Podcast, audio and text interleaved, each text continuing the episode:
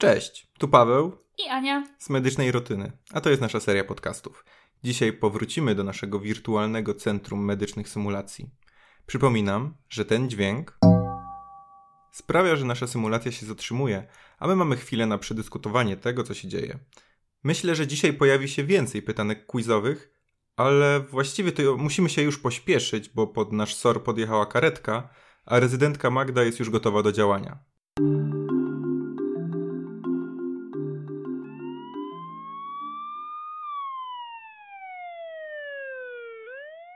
Jestem. Z kim przyjechaliście?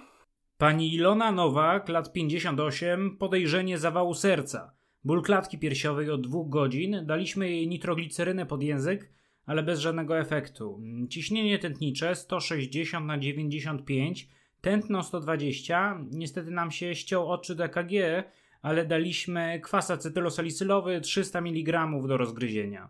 Dobra, przyjmujemy szybko. Widzę w karcie, że podaliście jeszcze dwa leki, o których zapomniałeś wspomnieć.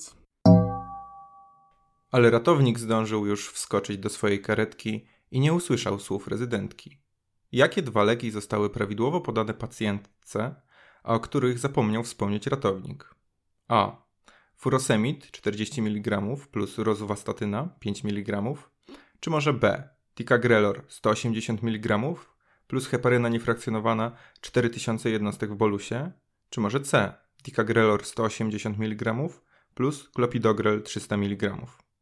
Macie chwilę na zastanowienie, możecie sobie nawet zatrzymać odcinek, jeżeli potrzebujecie więcej czasu. Prawidłową odpowiedzią jest odpowiedź B. To ticagrelor i heparyna niefrakcjonowana. Wraz z kwasem acetylosalicylowym stanowią podstawową trójkę leków podawaną przy podejrzeniu zawału w opiece przedszpitalnej. Pamiętajcie, że heparynę niefrakcjonowaną podajemy w dawce około 70-100 jednostek na kilogram, maksymalnie 4000 jednostek. Pani Ilono, jak się pani czuje? Duszno mi i bardzo, bardzo mocno mnie boli. W klatce, tutaj, w klatce, pani doktor. Zaraz postaramy się pani pomóc. Zaczniemy od wykonania u pani EKG. Magda słusznie przystąpiła do wykonania EKG. Jest to podstawowa procedura, którą powinniśmy wykonać u każdego pacjenta, u którego podejrzewamy ostry zespół wieńcowy. Czy wiecie, w jakim czasie od pojawienia się w szpitalu pacjenta podejrzewanego o zawał serca powinniśmy wykonać mu EKG? A. Do 5 minut, B. Do 10 minut, C. Do 15 minut. 5, 10 15 minut maksymalnie może czekać pacjent. Prawidłową odpowiedzią jest odpowiedź B, czyli do 10 minut. Porządku. Panie pielęgniarki już podłączają EKG. Ja jeszcze panią osłucham.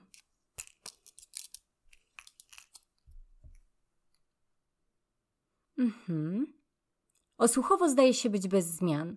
Sprawdzę jeszcze pani saturację. O, 89%. Co Magda powinna teraz zaproponować pacjentce? A. 4 mg morfiny dożylnie i tlenoterapię bierną. B. Podłączenie do CPAP po wykonaniu EKG. C. Wezwać anestezjologa i rozważyć intubację. Zastanówcie się, a odpowiedzi prawidłowej udzieli już Magda. Podamy pani teraz morfinę i tlen. Dzięki temu będzie panią mniej bolało i będzie mogła się pani trochę uspokoić, bo rozumiem, że to dla pani ogromny stres. Panie pielęgniarki jeszcze pobiorą krew do badań. Zwłaszcza interesują nas troponiny, marker uszkodzenia serca. Zaraz spojrzę na EKG i będziemy decydować, co dalej. Dobra, e, mamy tutaj rytm zatokowy. Serce pracuje miarowo, normogram 110 na minutę. Spore uniesienie odcinka ST w dwójce, trójce i AVF. I to właściwie wszystko, jeśli chodzi o patologię. Czyli na ten moment, jakie rozpoznanie jest najbardziej prawdopodobne? A. Stemi ściany przedniej, B. Stemi ściany bocznej i C. Stemi ściany dolnej. Na co wskazują zmiany EKG, które zinterpretowała Magda? Prawidłową odpowiedzią jest C.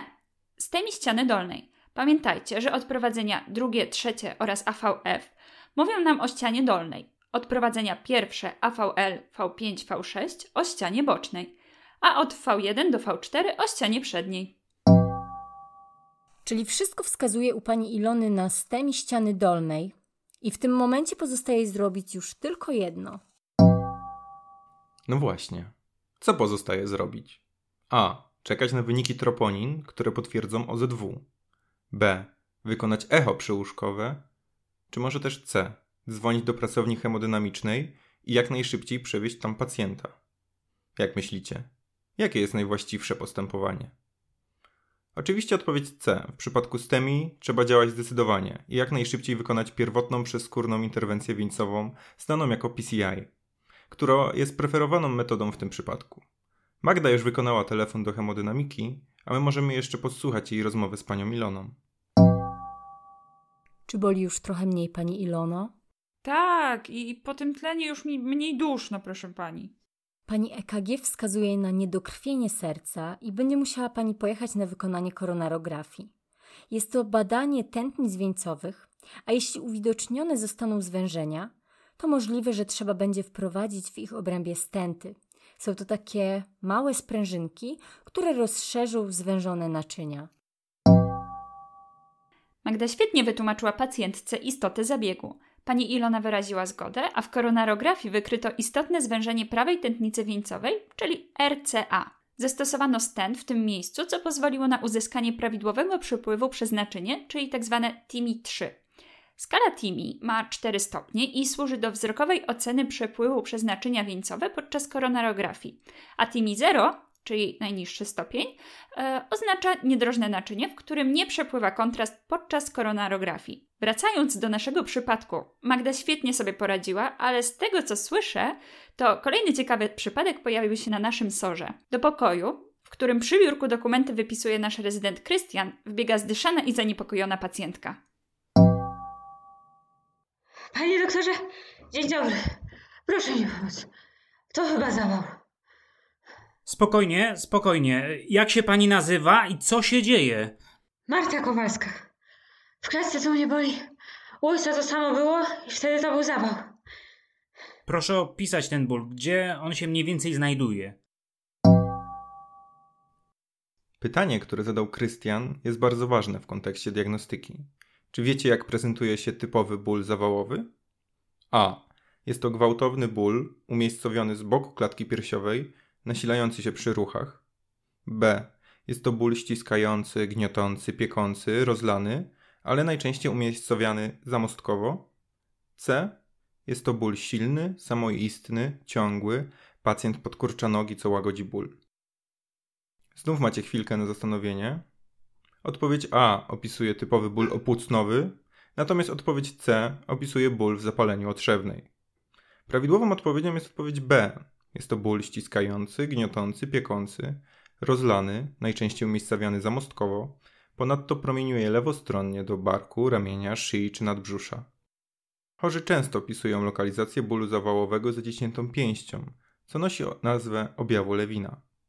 Ten rodzaj bólu trwa powyżej 20 minut, występuje w spoczynku i nie ustępuje po przyjęciu azotanu podjęzykowo, co w pewien sposób różnicuje go z typowym bólem dławicowym. Pamiętajcie też, że ból w OZW u osób w podeszłym wieku czy cukrzyków często odbiega od ram typowego bólu zawałowego i może mieć różnorodną manifestację. Zobaczymy, jaki ból doskwiera pani Marcie. Tu, na środku, tak. Tu mnie piecze, tak. Tak się rozlewa. No, szukałam jeszcze w internecie, wszystko mi pasuje. Jak u ojca zawał. Strasznie mi słabo. Spokojnie. Proszę się położyć na leżance, my zrobimy EKG i będziemy wtedy dopiero decydować, y, jak długo ten ból się utrzymuje. Jadłam obiad o 13.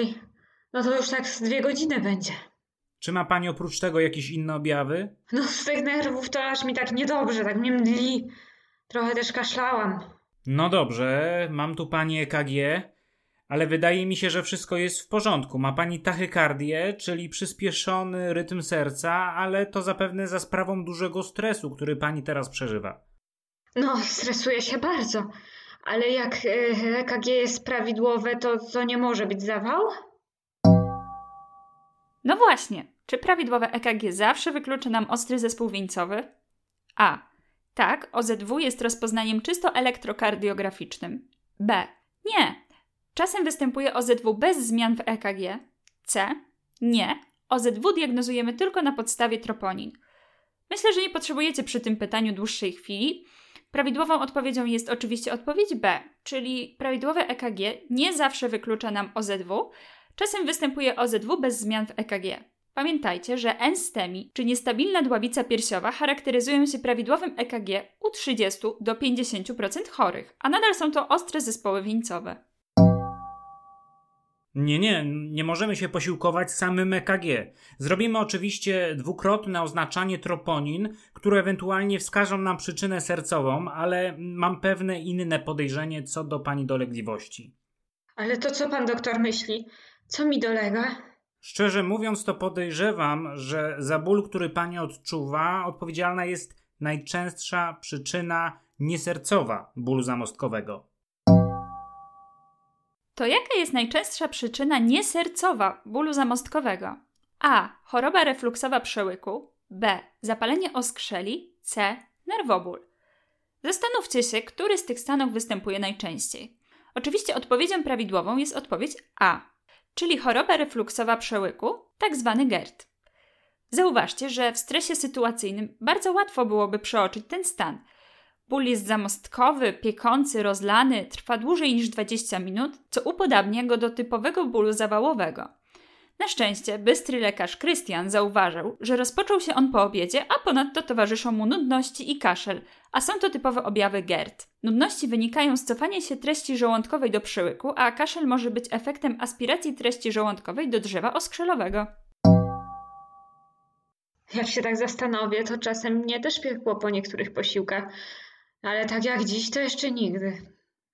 Poczekamy jeszcze na wyniki troponin. Musimy mieć pewność, że ten ból nie jest pochodzenia sercowego. Wtedy będziemy mogli zająć się już ewentualną diagnostyką tego refluksu. Naprawdę mamy świetnych rezydentów w naszym Centrum Medycznych Symulacji, którzy perfekcyjnie pomogli naszym dzisiejszym pacjentom. Na koniec pamiętajcie, że diagnostyka OZW jest bardzo istotnym elementem wiedzy lekarzy każdej specjalności, bo ten potoczny zawał może się zdarzyć na oddziale dermatologii, okulistyki, a także u naszego sąsiada w podeszłym wieku. Dobrze jest znać prawidłowe postępowania, bo jak to zwykli mawiać najlepsi kardiolodzy, czas to serce. Na dzisiaj zamykamy Centrum Medycznych Symulacji. Bardzo dziękujemy za udział Magdzie z profilu GF Med Student Krystianowi z Brodatej Medycyny oraz naszej koleżance Kasi z Poznania. Trzymajcie się i czekajcie na następne otwarcie. Pa!